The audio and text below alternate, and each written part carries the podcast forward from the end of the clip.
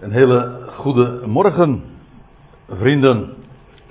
Goed u hier te treffen en prachtig wat Ton zojuist heeft laten horen en ons al verteld heeft. Dat is een hele mooie binnenkomer, vind ik. En hij sloeg ook de spijker op de kop, als het mij vraagt, toen hij zo die, die schop liet zien, om nog een steek dieper te spitten dan we gewoon zijn. We, ik bedoel in het algemeen dat de verhalen, de dingen die in de Bijbel staan, worden gelezen. En inderdaad, dat is dikwijls niet veel verder en dieper, om even in het spraakgebruik te blijven, dan ja, heel oppervlakkig. Ook dat is in het spraakgebruik. Hè. Op de vlakte te blijven. Nee, om werkelijk dieper te gaan. Ik wil u vanmiddag, of vanmiddag, uh, ik loop wel erg hard van stapel. Uh, vanmorgen wil ik u graag eens meenemen uh, naar een geschiedenis waarvan ik vermoed trouwens, ik zal het niet uittesten, maar het zou mij niet verbazen dat als ik hier nou eens even een onderzoekje zou gaan plegen en zou vragen van wie is Mephibozet, dat velen toch zouden zakken of een onvoldoende zouden krijgen als ze in één of twee zinnen zouden moeten aangeven wie Mephibozet in de Bijbel is. Ja inderdaad, het is een Bijbelsfiguur, dat klopt. Maar dan. Sorry? Een zoon van Jonathan hoor ik hier. Ja, jij mag niet meedoen, Theo, want jij bent te grote Bijbelkenner. Sorry? Hij was kreupel. Ja, oh, nou ja. En toch heb ik er nog wat meer over te melden. Nou, de geschiedenis is niet helemaal onbekend, moet ik erbij zeggen. Als je een klein beetje uh, Bijbelkenner bent, dan, uh, dan weet je wel een beetje wat uh, over deze Mephibozet te melden. In de geschiedenis van ja, Saul en David met name dan. En ik wil u vanmorgen meenemen naar één hoofdstuk, naar 2 Samuel 9. Dat zijn in totaal 13 versen. En die wil ik vanaf het begin tot het einde lezen en zo wat dingen daarover naar voren brengen. U moet weten, Mephibozet was een zoon van Jonathan. En Jonathan was een zoon van koning Saul. Koning Saul die was omgekomen op een smartelijke wijze mag ik wel zeggen. Samen met, zijn, met drie zonen van hem, waar onder andere ook Jonathan bij was. En vervolgens na dat koninkrijk van Saul, die 40 jaar over Israël geregeerd heeft, kreeg je het koninkrijk van David. Saul moet plaatsmaken voor David. Dat ging ook niet allemaal zonder slag of stoot. Want voordat David in Jeruzalem gaat regeren over alle twaalf stammen, zijn er nog zeven jaren aan vooraf gegaan. Waarin hij in Hebron over de twee stammen heerste. En pas na die zeven jaar ook over de alle twaalf. En wel in die transitie, in die overgang, speelt die Mephibozet een rol. En we gaan meteen maar eens de koek bij de horens vatten en we we stappen in bij vers 1 van 2 Samuel 9. En dan zullen we zelf wel zien wat we allemaal nog op het spoor komen. Laat ik er dan ook dit zeggen, als ik nog even ter inleiding, maar de meeste van u die hier wel vaker komen of de studies volgen, die zal dat niet verbazen. Als ik spreek over David en geschiedenissen van David, hij speelt een grote rol natuurlijk in de, in de Bijbelse geschiedenissen. Dan denk ik niet alleen maar aan David, maar dan denk ik vooral aan de zoon van David. Dat betekent in Bijbelse termen de erfgenaam van, van David. Dat wil zeggen, hij die dat wat David ontving en kreeg en toegezegd was, hij, die erfenis van hem ging naar de zoon, die pas duizend jaar later uh, geboren zou worden, inderdaad ook uit het zaad van David. De Heer Jezus Christus is een directe nakomeling van David. En de parallellen die stapelen zich op. En allerbekendste is natuurlijk, het is eigenlijk niet zo opmerkelijk of niet zo vreemd, dat het Nieuwe Testament ook begint met het geslachtsregister van Jezus Christus, de zoon van David. Dat is meteen het hele triomfantelijke begin, want daarmee weet je als je met, met Bijbelse oren luistert, met Hebreeuwse oren, dan zeg je, hier gaat het dus Zeker als het over de zoon van David gaat, dan gaat het over de Messias. Hij die aangekondigd was, die zo lang verwacht was. Van wie ook voorzegd was dat hij geboren zou worden in dezelfde streek, in dezelfde velden waar ooit David als herdersjongen verbleef. In de velden van Efrata. David kwam uit Bethlehem, het huis van het brood. Nou, de hele geschiedenis van David, dat hij vervolgens. Uh, hij was een goede herder die zijn leven inzette voor de schapen. Noem nu zo alleen maar even een paar dingen zo voor de vuist weg, waarbij je meteen al in, eigenlijk ook, als je wat met dubbelzinnige oren luistert, dan wel in de gaten hebt van hé, hey, hier, hier, dat kan niet missen. Dit gaat over iemand die groter is dan hij. Die zijn leven inzette voor de schapen. Die jongen uit Bethlehem, u weet het wel. En die vervolgens gezalfd wordt tot koning, maar, maar hij werd weliswaar gezalfd tot koning. Hij was de gezalfde. Als ik het in het Hebreeuws zeg, dan zeg ik hij was de Mashiach. Als ik het in het Grieks zeg, dan zeg ik hij was de Christus. Maar dat betekent niet bepaald dat hij nadat hij gezalfd was meteen ook koning werd. Want daar ging nog een hele tijd overheen. Hij was eerst de verworpen koning. De verworpen gezalfde. En in die tussentijd had hij mensen om zich heen die, ja, die zijn positie ook deelden. Dat was niet altijd even uh, fraai volk.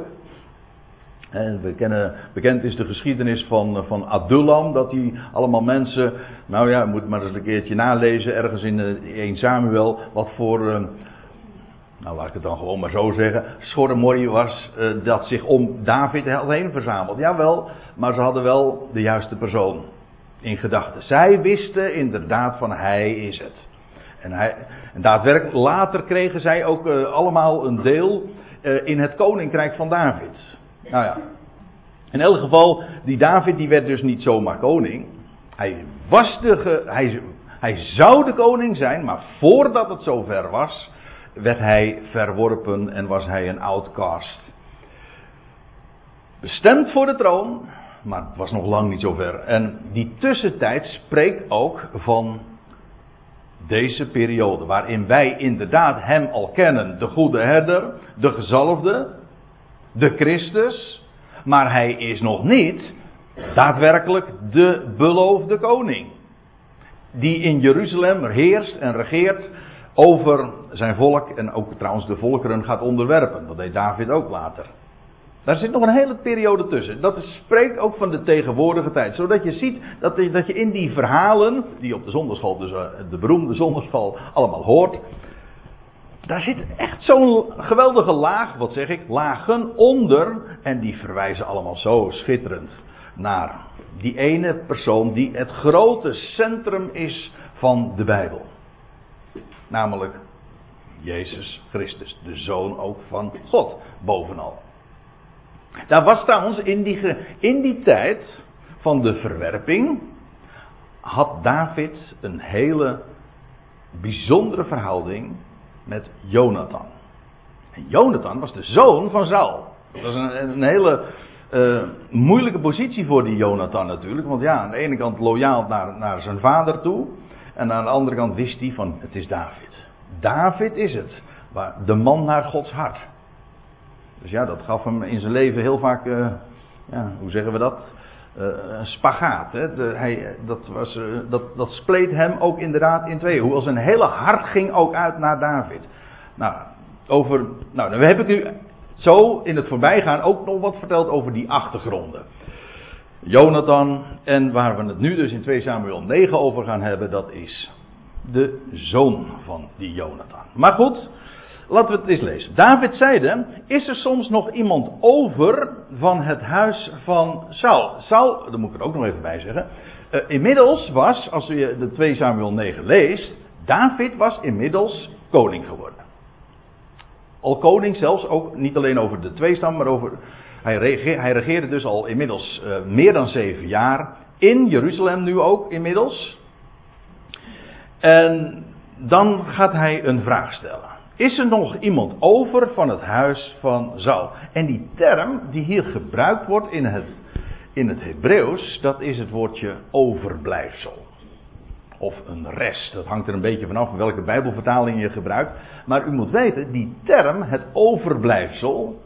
En als je een beetje de, op de hoogte bent ook van de, de profetische passages in de Bijbel. Dan weet je dat deze term doorgaans verwijst naar het volk van Israël dat overgebleven is. Het, het is met, u moet, moet het woord heel letterlijk nemen. Een overblijfsel is dat wat overgebleven is. Straks, ik zeg straks, maar dat wil zeggen in de, in de nabije toekomst, want inmiddels is het al zo, uh, bijna zover, dan zal Israël uh, nog in een hele zware tijd komen, in de tijd van benauwdheid van Jacob, zo wordt het ook genoemd. En, en er zullen er velen omkomen, een grote verdrukking. En dan lees je ook inderdaad dat er een einde zal komen aan de huidige Joodse staat. De, Jeruzalem zal verwoest worden, maar er zal een deel overblijven. En dat heet dat, dat gelovig overblijfsel. Wel, dat woord overblijfsel, dat wordt hier gebezigd. En dan zal dat overblijfsel, ja, eh, ook delen in uh, het. Uh, in het koninkrijk van de Messias, die dan ook daadwerkelijk in Jeruzalem zal heersen. Dat wil zeggen, op de troon van zijn vader David. Die troon die is al eeuwen, wat zeg ik, millennia, duizenden jaren vakant, leeg. Maar de Bijbel zegt, de troon van David zal weer bezet worden. Die dynastie, dat koningshuis van David, daar weten we, dat is al, dat is zo lang, is dat, ja, dat is dat een, om in bijbelse termen dat te zeggen, is een vervallen hut. Een bouwval, niks van overgebleven. Maar God gaat die vervallen hut van David herstellen, restaureren. Nou, dat is het koninkrijk van de Messias. En daar zal dat overblijfsel een grote rol in spelen. Ik, ik verwijs hier naar Jezaja 10. Ik neem u even naar, daarin mee. Om eigenlijk ook meteen de toon daarin te zetten voor, dit, voor deze studie. Jezaja 10, daar lezen we, en het zal te dien dagen geschieden. Dat is meestal een inluiding ook van de, een, een, het Messiaanse koninkrijk dat zal aanbreken. En het zal te dien dagen geschieden dat de rest van Israël, hier heb je het, de rest en wat van Jacobs huis ontkomen is, niet langer zullen steunen op hem die ze sloeg, maar in waarheid steunen zullen op de Heer, de heilige Israëls. Alles wat van de mens is, dat zal niet langer uh, valide zijn. Het, de, dat is een staf, eh, een rietstaf waar ze doorheen zakken. En ze zullen dan alleen nog maar in de uiterste nood kunnen roepen naar God zelf. En dan zullen ze de naam aanroepen, wat een Jood tot op de dag van vandaag nooit zal doen. Maar dan zullen ze de naam van Yahweh aanroepen. En hij zal komen in zijn zoon. En afijn, daar zullen ze dan op steunen. En een rest zal zich bekeren. Dat wil zeggen dat wat overgebleven is. De rest van Jacob. Tot de sterke God. Ja. Nou, hier wordt die term ook gebruikt diverse keren van het overblijfsel, de rest. Wel, ja, al, dan als David dan zegt, is er soms nog iemand over? Is er nog een overblijfsel van het huis van Saul? Dan zegt hij, dan zal ik hem trouw bewijzen ter wille van Jonathan. En Jonathan, nou ja, ik heb eigenlijk dat zojuist al een beetje aangegeven ook. Die stond aan de zijde van David. In de tijd dat hij de verworpen koning was. En hij is een type, hou me even vast. Hij is een type, een voorafschaduwing, een beeld van het gelovig overblijfsel van Israël in de tegenwoordige tijd. Dat verzin ik niet, dat, dat is een uitdrukking die we vinden in Romeinen 11. U moet het maar eens nalezen, ik heb er nu geen diaatje van. Maar uh, ik lever graag overal uh, de bonnetjes bij, zodat u dat ook na kunt lezen. Ik zal hem trouw bewijzen ter wille van Jonathan. Jonathan die, die, en, en David, die twee, dat, waren, dat was, hoe staat het er ergens? Die waren één ziel. Zo'n verknochtheid als die twee hadden. Daar komt bij trouwens dat ze ook een verbond hadden gesloten. David had een eed gezworen. Ik kom daar straks nog even op terug. Maar in ieder geval, ik zal hem trouw bewijzen ter wille van Jonathan. Ik lees verder. Nu behoorde tot het huis van Saul een knecht die Siba heette. Ik ga, ik ga, niet op alle details in en de betekenissen van namen. Ik wil een beetje de rode draad toch vasthouden. Zodat we ons niet helemaal verliezen in details, maar zodat we zoveel mogelijk ook een, een zicht krijgen op de, op de rode draad zeg maar, van dit hele hoofdstuk. Men riep hem bij David, die Siba dus, de knecht van het huis van Saul, dat was eh, zeg maar de, degene die daar in het huis, in het koningshuis van Saul, de, de scepter zwaaide, om het even zo te zeggen. Uh, men riep hem bij David en de koning vroeg hem, zijt gij Ziba? Zijt gij? Hij antwoordde, uw dienaar. Ja, nu niet langer meer de dienaar van, van Saul, maar uw dienaar. En daarop zeide de koning: Is er soms nog iemand over? Heb je weer dat die uitdrukking, het overblijfsel? Is er soms nog iemand over van het huis van Saul? Dan wil ik hem de goedgunstigheid Gods bewijzen. Let even op de wijze op waarop David dan ook zegt. Hij zegt maar niet: Ik wil hem mijn goedgunstigheid bewijzen. Ik wil hem bewijzen. Ik wil hem doen. De, de goedgunstigheid van van God zelf. En dat ga ik hem bewijzen. Ik bedoel, David weet niet eens over wie die het heeft. Hij weet niet eens of er überhaupt nog iemand is. Laat staan wie die persoon is. Of die dat wel waardig is en of die. Nee, één ding deed, deed ter zake. Is die het huis van Saul? Is die uit het huis van Jonathan? Wel, dan, nee, uit het huis van Saul. En ter wille van Jonathan zal ik hem de goedgunstigheid van God bewijzen. Dus een, dat Hebreeuwse woord wat we hier lezen, dat wordt op heel, heel wat verschillende manieren ook vertaald. We komen straks trouwens nog een keertje tegen en dan wordt het weer vertaald met de trouw. Dat zit er ook allemaal wel in. Ik, het is ook geen kritiek op de vertaling. Dat, dat Hebreeuwse woord geset, dat heeft een, een, een rijkdom aan, aan, aan, aan gedachten. In de concordant version wordt het vertaald consequent, daar is concordant voor. De kindness, de vriendelijkheid, de goed, inderdaad goedgunstigheid. Dat is iets ouder Nederlands, maar dat is toch de gedachte daarachter. En toen sprak Siba, die antwoord geeft aan de koning: is er, er is nog een zoon van Jonathan. Die verlamd is aan beide voeten. Jonathan. En die naam, is een prachtige naam. Ik weet niet of er iemand is die hier. Eh, er zijn meer mensen die hier mooie Hebreeuwse namen dragen. In Huizen Piet weten we er alles van. Nou ja, mooie namen zijn, daar, daar kun je daar nog altijd over twisten natuurlijk, niet waar, ja, in. maar uh, is er nog een zoon van Jonathan? En die, die naam Jonathan betekent ja, dat wil zeggen Yahweh, dat is de verkorte vorm van Yahweh. Ja, geeft.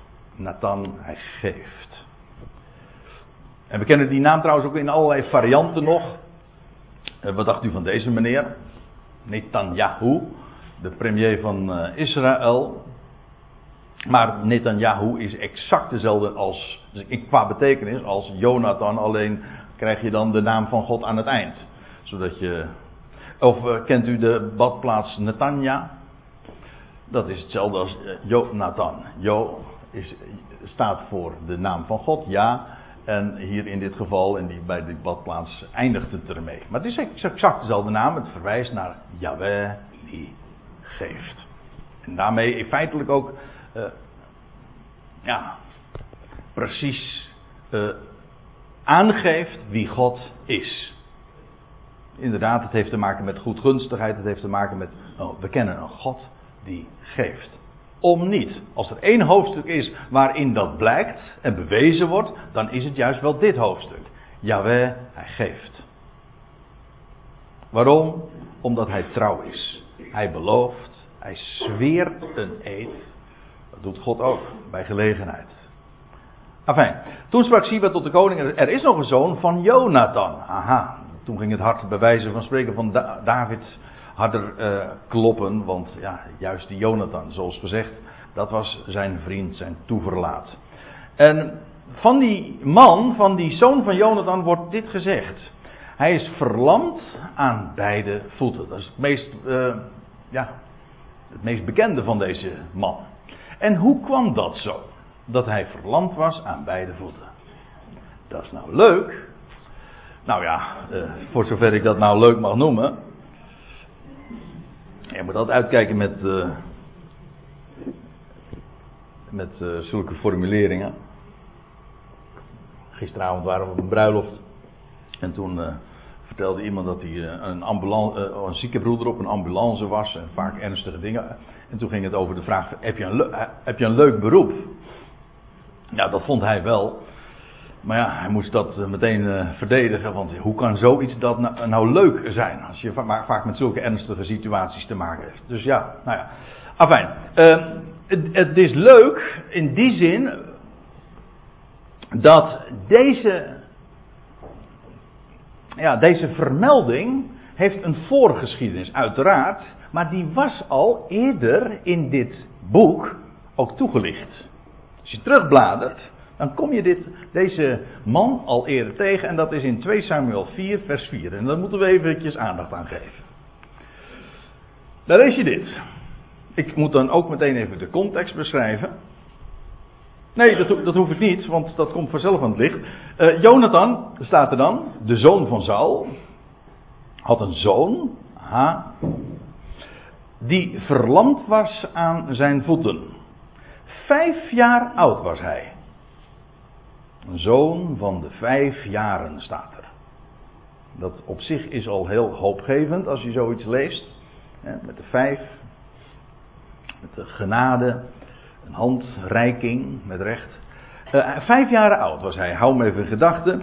Uh, toen de tijding over Saul en Jonathan uit Israël binnenkwam. Ik zei al eerder dat koning Saul dus op een hele smartelijke manier aan zijn einde is gekomen. Heel tragisch allemaal. En Jonathan dus ook en twee andere broers van hem. En nou, bij die gelegenheid, dus als Saul sneuvelt in de strijd tegen de Filistijnen, dan lees je dus dat zijn zoon vijf jaar oud was. En toen dit dus gebeurde, de tijding van Saul en Jonathan uit Israël binnenkwam. En dan lees je verder. Zijn voedster, degene, niet zijn moeder, maar degene die hem dus uh, voedde en, ja, en bemoederde, zeg maar. Zijn voedster had uh, had hem toen opgenomen en was gevlucht. Maar door, door haar haastige vlucht was hij gevallen. Ik bedoel, deze jonge man, deze jongen van vijf jaar oud. En kreupel geworden. Nou, voordat we nu verder lezen, wil ik eerst nog eventjes de schop pakken en even dieper spitten. Want waar, hadden we het nou over? Hier, we hebben het over het koninkrijk van Saul dat ten einde is gekomen nu. Uh, er is sprake van een hele uh, penibele situatie, een heel grote tragiek. En nu is de tijd gekomen dat David zijn koninkrijk gaat vestigen. En wat we, weten we nu? Dat, ik heb eigenlijk al iets dergelijks aangegeven. Dat als straks aan het, een einde gaat komen aan het, de huidige staat en bestel van Israël en van Jeruzalem en, de, en, in, en het volk in uiterste nood gekomen zal zijn en de naam van Jahweh zal aanroepen, dan, dan, zal hij, dan zal de zoon van David ook acte de présence geven. Hij zal zich manifesteren, maar dan lees je ook dat er bij die gelegenheid in Jeruzalem, of buiten Jeruzalem, een vluchtweg gecreëerd wordt. Het volk moet vluchten. Er, er, komt een moment dat er geen levende inwoner is over dramatiek gesproken, er geen levende inwoner meer zal zijn in het land. En dat wat overblijft, het overblijfsel, moet dan vluchten. Maken dat ze wegkomt. En je leest dat in Zacharia, bijvoorbeeld in Zacharia 14 vers 5. Overblijfsel van Israël zal vluchten bij de verwoesting van Jeruzalem, voordat het koninkrijk van de Messias, de zoon van David, zal worden gevestigd. Dat komt dus perfect overeen. Hier is sprake van een vlucht. Vlak voordat David zijn koninkrijk gaat vestigen. Wel, Mephibozet is een beeld van dat Joodse overblijfsel van Israël. En bij die gelegenheid ook kreupel wordt. Dat wil zeggen, geen, eigenlijk, als ik het even oneerbiedig mag zeggen, geen poot meer heeft om op te staan. Van zichzelf niet staande kan blijven. Ik kom daar straks nog even op terug. En dan nog even dit uh, over zijn naam. Hij heette Mephibozet. En ja, wat. Uh, het kan zijn dat als je dat in de, in de woordenboeken even na en de lexicons nakijkt, dat je wat verschillende weergaven ook daarvan vindt, van de betekenis van zijn naam. Maar het heeft te maken met het woord mond, maar ook met, als je het ontleedt dus, en met droogte. Maar dat woordje bozet, er zijn trouwens heel wat namen in de Bijbel die eindigen met bozet. Hè. Is bozet, dat was trouwens een broer van Jonathan. Uh, maar dat betekent, meestal zegt men dat het betekent schande, dat klopt wel, maar dat is een afgeleide betekenis. De grondbetekenis van het woord is droogte. En daarom, vandaar ook verdorren. Hou hem even vast, want we komen daar straks op terug. Die naam Bozet, dat heeft te maken dus met droogte en met verdorren. En vandaar als afgeleide betekenis ook te schande. Ik bedoel, eh, denk even na aan de omstandigheden in Israël, daar in het Midden-Oosten. Dat als uh, iets geen, niet voorzien wordt van water, ja, dat is droogte. En dan, ja, dan sta je. Hè, dan, of dan ben je inderdaad te schande gesteld. Dus, zo heette hij, Mephibozet. En Trouwens, opmerkelijk, hij had ook nog een andere naam. Dat verschijnsel vind je veel vaker in de Bijbel. Hij heette ook nog, lezen we in het boek Kronieken, twee keer wordt hij zo genoemd, Meribaal. En waarom dat nou weer? Nou, ik meld het alleen maar eventjes voor, voor de, nou ik zeggen voor de statistiek, maar dat is niet helemaal juist. Maar voor, uh, gewoon om volledig te zijn, want je, hij, hij draagt dus twee namen. Dat is mooi, een mooie geschiedenis, maar dat parkeren we voor een andere gelegenheid. Maar in ieder geval, hij had die naam ook dus nog. Wij noemen hem vandaag een Mephibozet, want dat is zoals hij ook hier in 2 Samuel genoemd wordt. Enfin, we gaan weer even terug naar 2 Samuel 9. We weten nu dus hoe die Mephibozet, die zoon van Jonathan, ah, hoe die heet, maar we weten inmiddels nu dus ook hoe het zo komt dat hij verlamd was geworden. Dat was vanwege de vlucht toen ooit bij het einde van het uh, koninkrijk van Saul. Enfin, de koning vroeg toen: Waar is hij? Hij had eerst gevraagd: Wie is er overgebleven? En nu komt de vraag, nou daarop is het antwoord nu inmiddels gegeven. En nu is vervolgens de vraag: Waar is hij? En Siba antwoordde de koning: Zie, hij is in het huis van Makir. En er is wat discussie over, maar. Uh, de meest, uh, vermoedelijk, meest waarschijnlijke afleiding is dat dit te maken heeft met het Hebreeuwse woord voor morgen. Magar. Dat wil zeggen de toekomst. Daar spreekt het, uh, de dag van morgen heeft te maken met een nieuwe dag als de nacht voorbij is en de zon zal opkomen, Magar. Hij is in het huis van, Mag, uh, van de zoon van Amiel. Dat ik weet niet hoe u het hebt als u de Bijbel leest. Vooral als je die geschiedenis in het Oude Testament leest. En dan, uh, dan is het heel vaak vermoeiend. En je struikelt daarover. Als je iedere keer die een naam leest. En tegelijkertijd wordt er dan. Uh, iedere keer herhaald. Dus de, de zoon van die, de zoon van die uit. Dat, wij zouden dan zeggen: van nou, als je dat één keer vermeldt, dan is het mooi geweest, dan weten we dat en dan hoeven we dat verder niet meer te zeggen. Nee, iedere keer wordt er dan weer bijgezegd van de zoon, de zoon van Amiel, uh, et cetera. Dat, dat zie je in deze geschiedenis ook. Dan is het Nephibozet, de zoon van Jonathan, de zoon van Saul. Dan weten we in ieder geval over wie we het hebben, maar dat is maar meer dan alleen een mededeling, want dan zou je heel nuchter kunnen zeggen, dan kun je bij het één keer volstaan.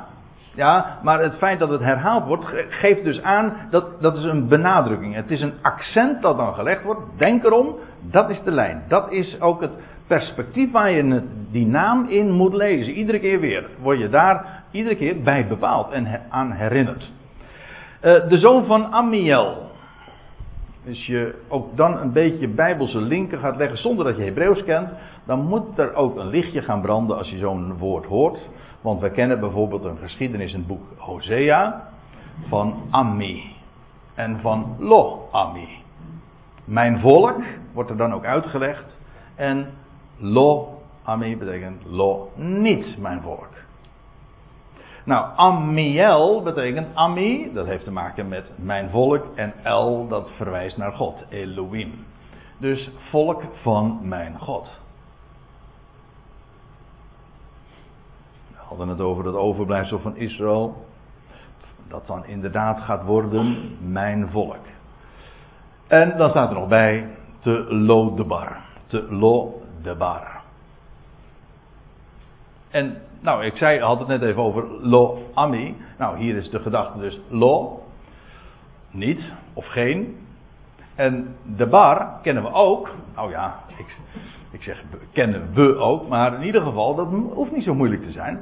Dabar, er zijn uh, bijvoorbeeld gospelgroepjes, of vroeger ging ik naar een koffiebar, die heette koffiebar, uh, die heette dan Dabar, de bar. ja, en wie weet wat het betekent? Ja, nee. Hè? Woord, ja, de meest fundamentele betekenis is het woord, is woord. Dabar. Maar ook hier geldt weer voor het Hebreeuwse woord, daar, daar zit eh, een veelheid van gedachten dan alweer aan, aan vast. Dabar is, is woord, maar ook een zaak.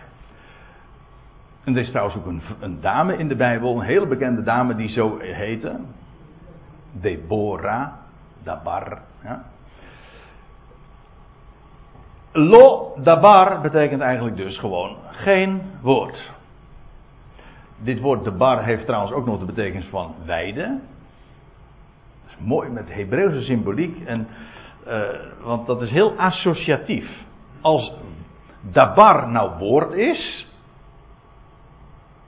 En een uitbeelding van het woord een grazige weide is. Dan betekent dus dabar ook. Is, heeft ook de gedachte van een weide. Een weidegrond. Waar gegraasd kan worden. Waar voedsel verschaft wordt. Ook daar kom ik nog straks uh, op terug. Maar uh, hier wordt iets getekend ook voor van die, wie die Mephibozet is. We weten inmiddels hoe hij, zo, hoe hij een verlamde jongen is geworden. Maar we weten hier ook van, ja, waar verbleef hij? Nou, in het huis van Makert. Ze zijn gevlucht naar, dat weten we in Lodebar, dat is aan het over Jordaanse, aan de andere, dus het huidige Jordanië. Daar was hij naartoe gevlucht. Want ja, hij dacht, uh, ze dachten hun, lijf, hun leven niet zeker te zijn daar uh, in het koninkrijk van David. Per slotverrekening, het was een, een concurrent die nu op de troon zat. En daar, dat Lodebar, dat is aan de andere kant van de Jordaan. En, maar het louter feit dat dat zo aangewezen wordt. Hij bevindt zich in het huis van morgen. Hij is de zoon uh, die, die, die in het huis van morgen. En dat is de zoon van Amiel, het volk van mijn God. En waar is het? In Lodabar. Er is geen woord. Het is tragiek. Er is geen weide. Nou, ik, ik neem u nu even mee naar Ezekiel 37. Om het plaatje eventjes helemaal compleet te maken. Ezekiel 37.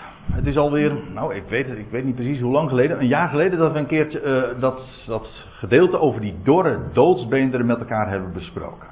Schitterende geschiedenis of een visioen dat Ezekiel te krijgt. En dat is dat, uh, dat Ezekiel dan verplaatst wordt naar een, uh, een vlakte met allemaal knekels, dorre beenderen en en dan lees je dat, ja, god, dat is zo troosteloos, zo met recht doods allemaal te zien. En dan wordt de vraag gesteld, zullen deze doden herleven? En dan zegt Ezekiel, heel verstandig, dat weet alleen u, Heer. En God is de God van het leven, hij doet opstaan en nou ja. Maar dan wordt dan ook uitgelegd over wie dat dan gaat. Waarop heeft dat betrekking? Nou, dan krijgen we de uitleg ik ga daar nu niet te diep op in, maar ik wil er even nu in dit verband op wijzen. Voort zeide hij, God, tot mij, Ezekiel, mensenkind, deze beenderen, die je hier zo allemaal verspreid ziet liggen, die zijn het hele huis van Israël. We hoeven daar dus niet over te fantaseren, het wordt gewoon uitgelegd. Zie, zij zeggen, onze beenderen zijn verdord en onze hoop is vervlogen, het is met ons gedaan. Nou, dat is precies de situatie aan het einde van het koninkrijk van Saul. Hm. Maar ook de situatie straks als die hele staat straks verwoest zal zijn, Jeruzalem verwoest zal worden en, en de naam in uiterste nood aangeroepen zal worden, de naam, ik bedoel Hashem, de God, en dat er dan een vluchtweg gecreëerd wordt, wel, dan zal men zeggen: Het is met ons gedaan. Onze beenderen zijn verdord, onze hoop is vervlogen, het is met, het is met recht met ons gebeurd. Lo dabar. Geen woord, geen belofte, geen hoop. Het is over.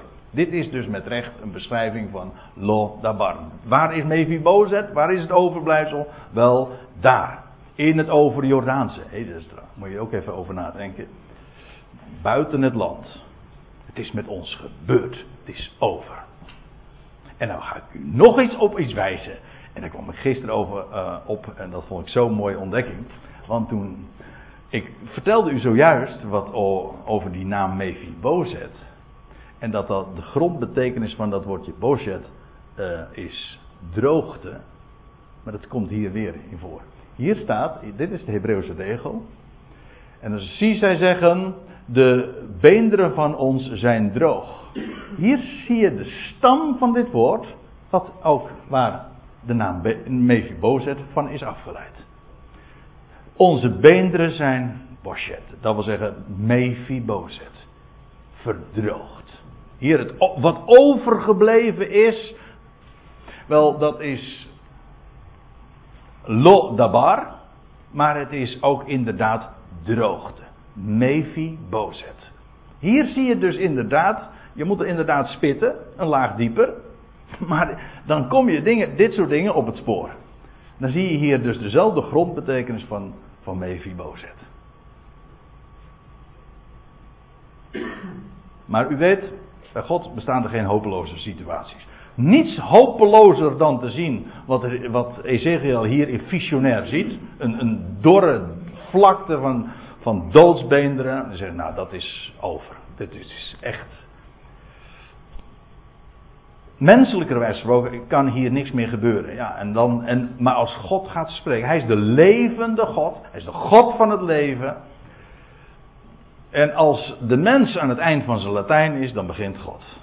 Ik zeg wel eens een keer, ik vind een mooie uitdrukking. Ons plafond, dat is zijn vloer. Waar wij eindigen, dan begint hij.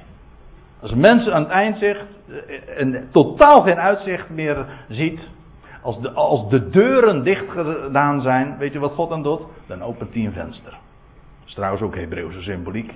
Want na de dalet, na de deur die dicht gaat, dan gaat hij een venster, de he, vijfde letter, openen. Genade. Kijk maar, want ik las zojuist vers 11 voor. En dan, krijg, en dan gaat God het woord doen. Als zij zullen zeggen, onze beenderen zijn Mephibozet, onze hoop is vervlogen, het is met ons gedaan, lo dabar. Daarom profeteer, voorzeg, mijn mond, wees mijn mond, en zeg tot hen, zo zegt de Heere, Heere. Dat wil zeggen, zo zegt Adonai Yahweh. Dit is wat jullie zeggen. Volledig correct en juist naar de mens gesproken. Gewoon, dat is een vaststelling. Door de doodsbeenderen, daar valt helemaal niets meer te doen. Daarom, zo zegt Adonai Yahweh, zie, ik open uw graven. En ik zal u uit uw graven, ook het graf der volkeren, ik ga nu niet verder op de diepere betekenis in, maar ik zal u uit uw graven doen opkomen. O mijn volk, en u brengen naar het land van Israël. Uit Lodabar, uit de droogte. Jullie zijn gevlucht. Het vege moest gered worden. Maar ik ga. En jullie kunnen misschien niet op je eigen benen staan. Hm? Ik hoop dat u de beeldspraak begrijpt. Jullie kunnen niet op je eigen benen staan. Maar ik doe je opstaan. Jullie zijn kreupel. Maar ik doe je opstaan. Ik doe je uit je graven opkomen. Ik ben de God van het leven, de levende God. En die dorre doodsvlakte, ja, dat is niet het einde, dat is mijn begin. Dus jullie eind, dat is mijn begin, daar begin ik.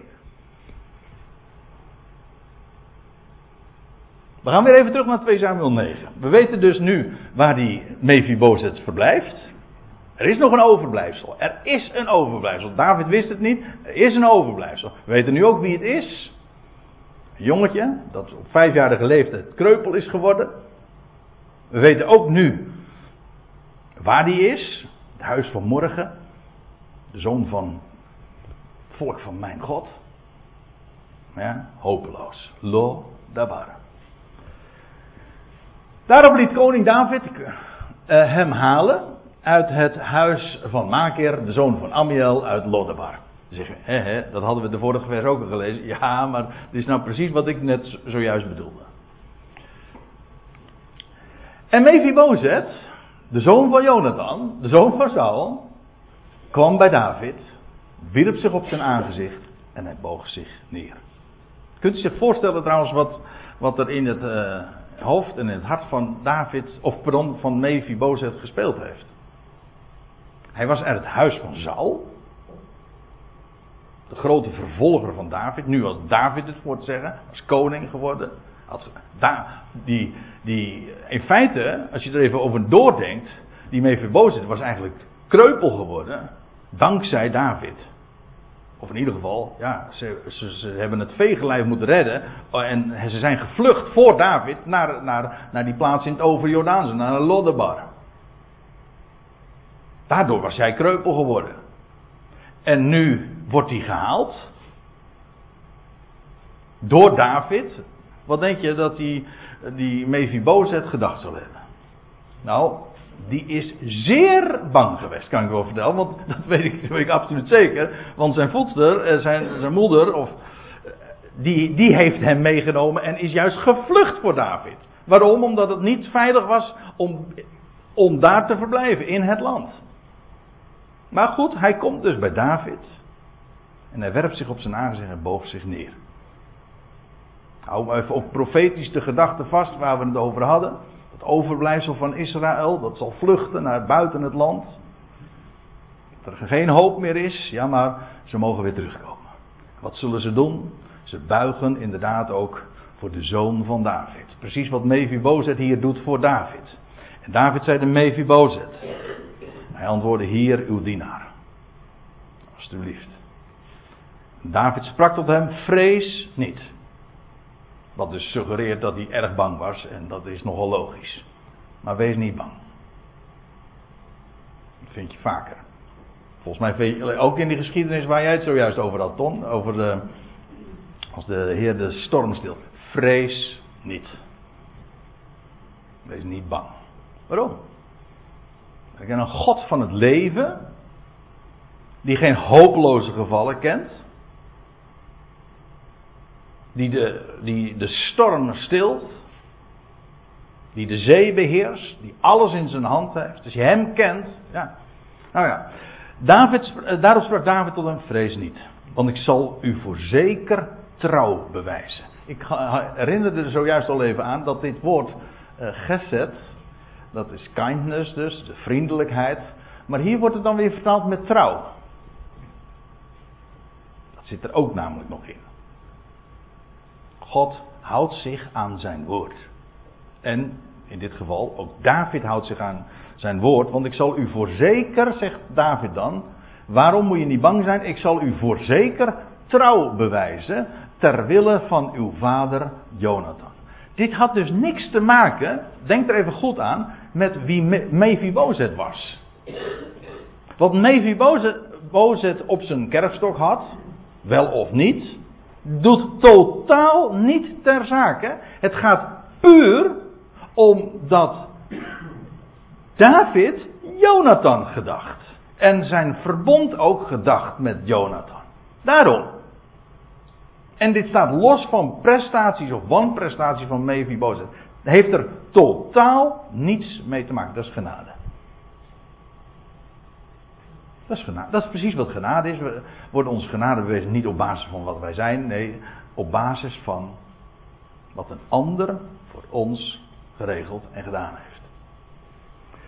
Ik zal u voorzeker trouw bewijzen ter wille van uw vader Jonathan. Ja, en dit herinnert dus ook aan de eed die David gezworen had aan Jonathan. De eed. Maar niet een belofte, nee, dat is, je roept God er ook bij. Een ander, een tweede getuige. Vandaar ook die dubbele vinger, hè, omhoog. De eed. In 1 Samuel 20, laten we even daar naartoe gaan nog. Dan lees je dit. Uh, dit is dus nog in de tijd dat David uh, de verworpen koning is. En toen moest hij komen bij, uh, ja, bij zijn schoonvader. Want ja, om het nog wel even wat ingewikkelder te maken. Want Saul was niet alleen maar de koning, zijn concurrent, of vice versa. Maar het was ook nog eens een keer zijn schoonvader, want hij was getrouwd met de dochter van Saul. Bent u er nog allemaal? Als je, als je niet goed op, eh, opgelet hebt op de beroemde zondagschool, dan, eh, dan, raak je nu de draad kwijt. Maar het maakt niet uit. Um, dus, oh, dat is een mooie geschiedenis. 1 Samuel 20, dat David dan die belofte doet. Want dan moest hij komen bij het offerfeest. Ja, en dat hij zich dan twee dagen verbergt. En op de derde dag zou hij weer tevoorschijn komen. Betekent verder niks hoor trouwens. Maar uh, in die geschiedenis, 1 Samuel 20. En dan lees je dat hij, dat hij een afspraak maakt, heel wonderlijk, met Jonathan in het veld. Met een steentje, een, een jochie wordt erbij geroepen die dan uh, al uh, verborgen aanwijzingen moet geven. Mooie geschiedenis. En nou, afijn, om een lang verhaal kort te maken, David en Jonathan ontmoeten elkaar. En dan doet David een plechtige belofte, een eed. En dan vraag, eerst vraagt Jonathan eerst nog dit aan David: Zult gij mij niet, indien ik dan nog in leven ben? Dat wil zeggen, want ook Jonathan vreesde voor zijn leven, omdat hij het ja, op een akkoord had gesloten met, eh, met, met David. Dus ja, hij was ook niet veilig voor zijn eigen vader. Zult gij mij dan niet, indien ik dan nog in leven ben, de goedgunstigheid van de Heer betonen, zodat ik niet sterf? Vraagt hij dus. Gij zult mijn huis, vraagt, dat zegt hij dan ook. Gij zult, jij David, zult mijn huis ook nimmer uw trouw onttrekken. let op dit. Gij zult mijn huis, dus ook mijn kinderen, mijn huisgezin, nimmer uw trouw onttrekken.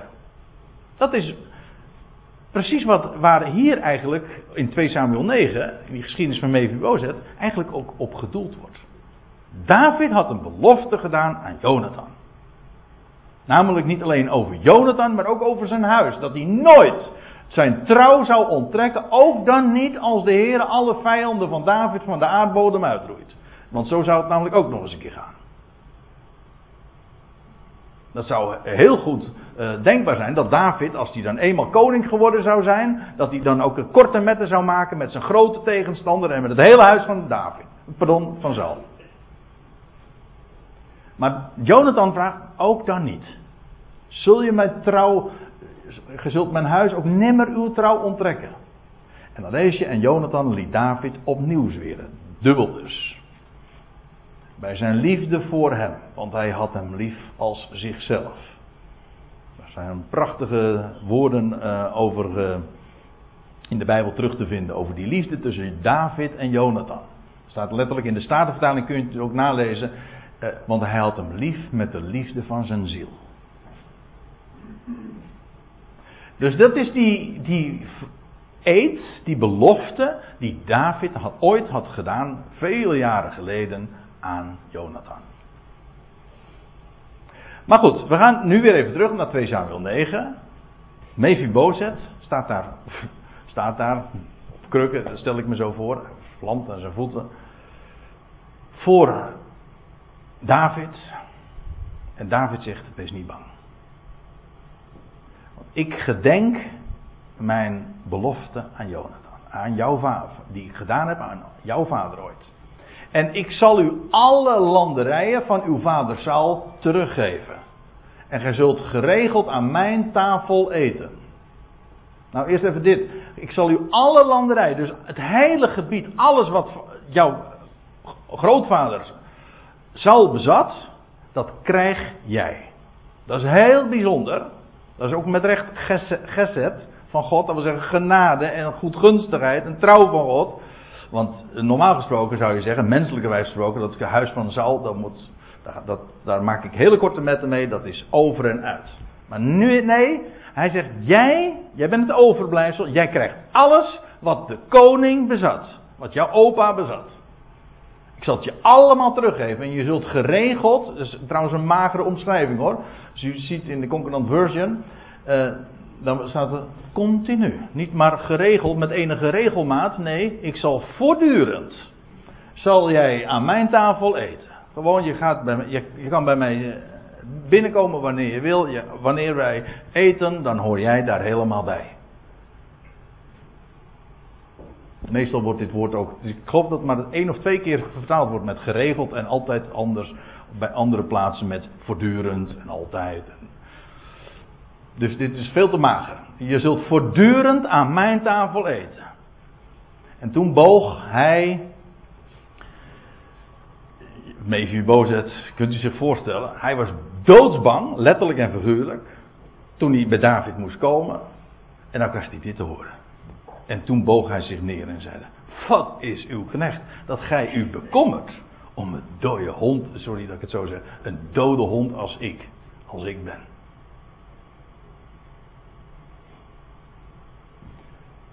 Waarbij je moet weten, dus uh, wat uh, een onderwerp apart natuurlijk, tenminste bij ons wel. Een, hond is in de Bijbel, en bij ons trouwens thuis ook niet zo een geliefd dier, geen huisdier. En nee, nee hè? Een, een levende hond al niet, hè? Een dode hond misschien nog wel. Ja, ik ken iemand die zei van, uh, ik ken maar één soort uh, honden die, waar ik hou van hou en dat zijn dode honden. Ja, ik zie, ik zie hier liefhebbers van honden zitten. Ja, wacht even. Nou ja. Oh nee, daar zit je, daar zit je. Wou zeggen, je, eh, die zelfs werkzaam zijn in de honden, al, altijd. Maar goed, uh, uh, even alle gekheid op het stokje. Een, een, een, hond in de Bijbel, dat is namelijk geen huisdier, een, een, dier, maar het is gewoon een, straathond. En uh, daar zit ook heel veel verachting in. De hondjes. Nou, en, en dan zegt Mephibozet, die, gooit, die doet daar nog een schepje bovenop en zegt maar geen hond, ik ben een dode hond. Nog, nog minder dus. Wat is uw knecht dat gij u bekommert om een dode hond als ik ben? Ja, maar dat was ook niet om wie Mephibozet was. Het is om zijn trouw en de eed die hij gezworen had. Daarom. Dat is de reden.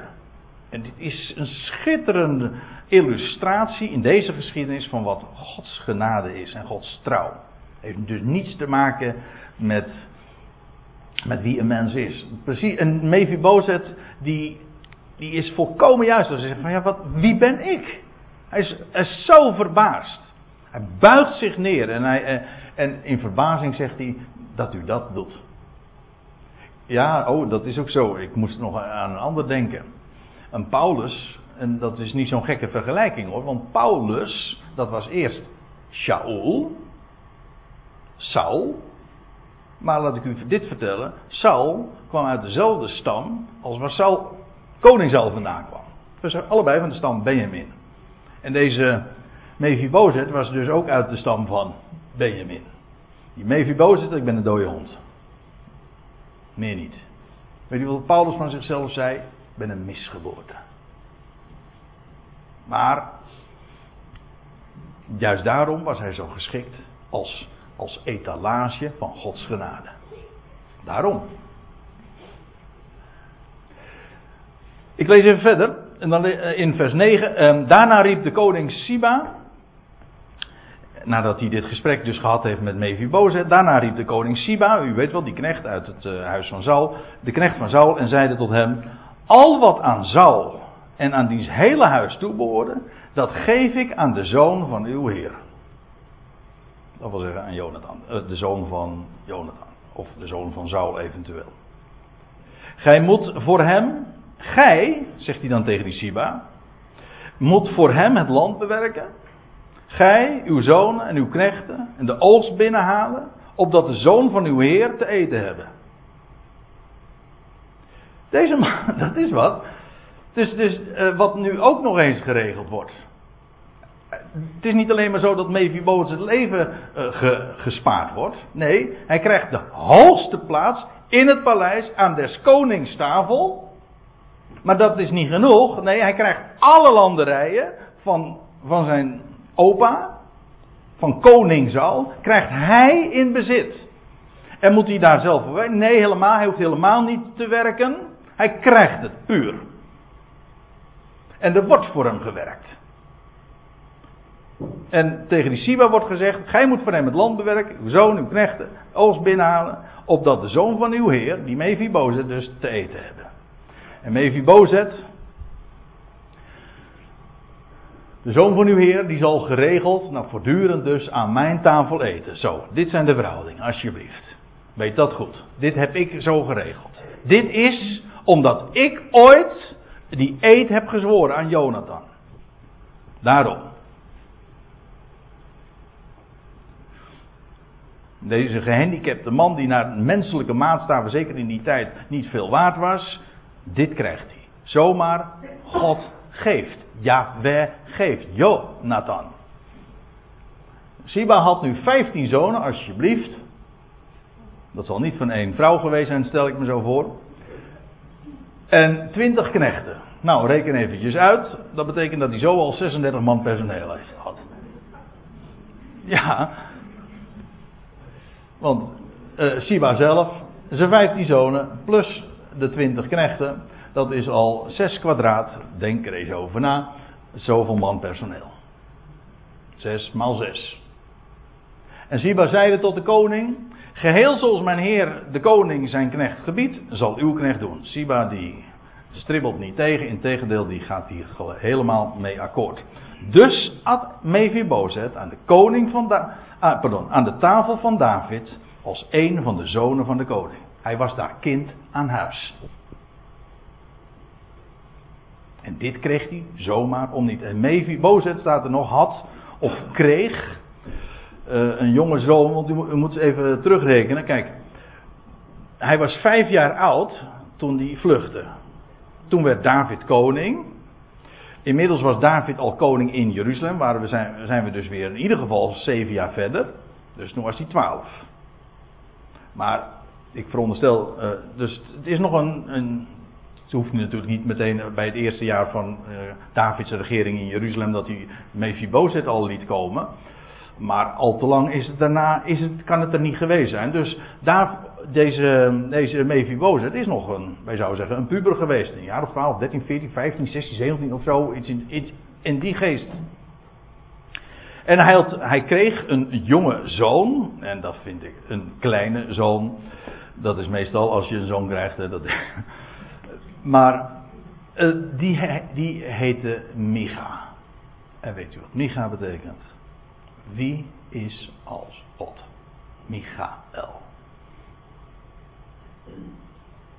Mephibozet, die heeft in de trouw die David bewees, de goedgunstigheid, de gezet van God gezien.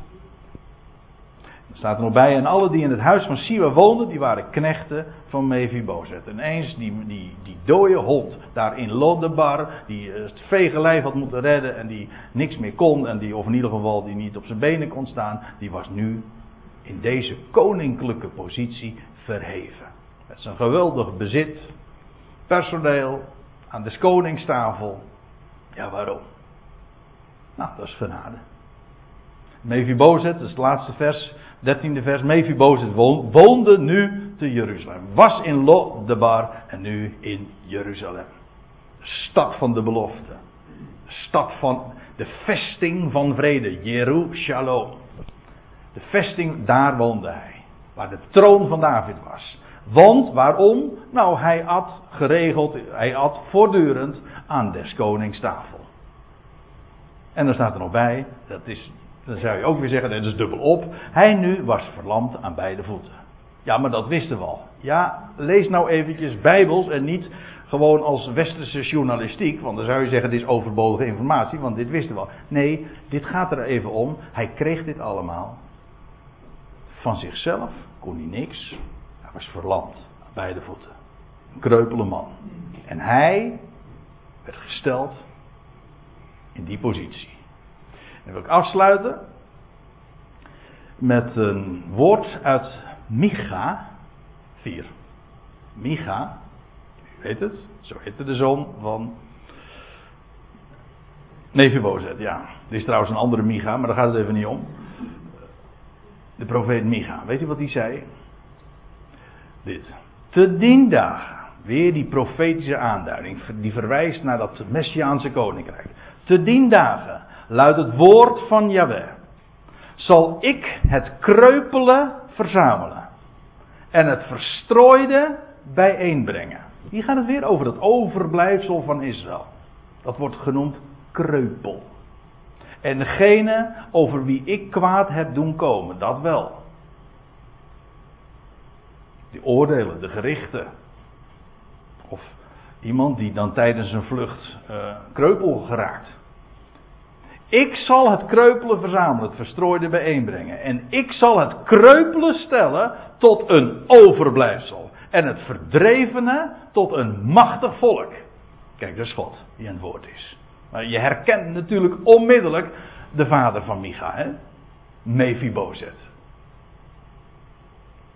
En de Heere, Yahweh, zal koning zijn over hen op de berg Sion. Dat wil zeggen, daar in Jeruzalem. En daar, die, waar is die kreupelen dan? Nou, aan des konings tafel, in een koninklijke positie, puur om niet. Kijk, dat is genade. En ik stel voor dat we daar een lied over gaan zingen.